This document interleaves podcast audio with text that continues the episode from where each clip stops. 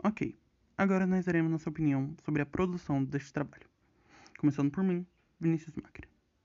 Uh, o processo de produção desse trabalho é de grande importância, pois nós percebemos o quão importante é os mitos e lendas para as pessoas de outras culturas.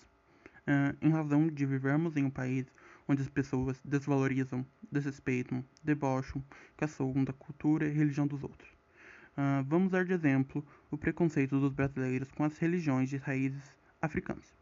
Pois, para esses tipos de pessoas, se não faz parte da bolha sociocultural que elas pertencem, por que elas devem respeitar aquilo? Então, por isso, na minha opinião, eu acho esse estilo de trabalho de pesquisa cultural muito importante.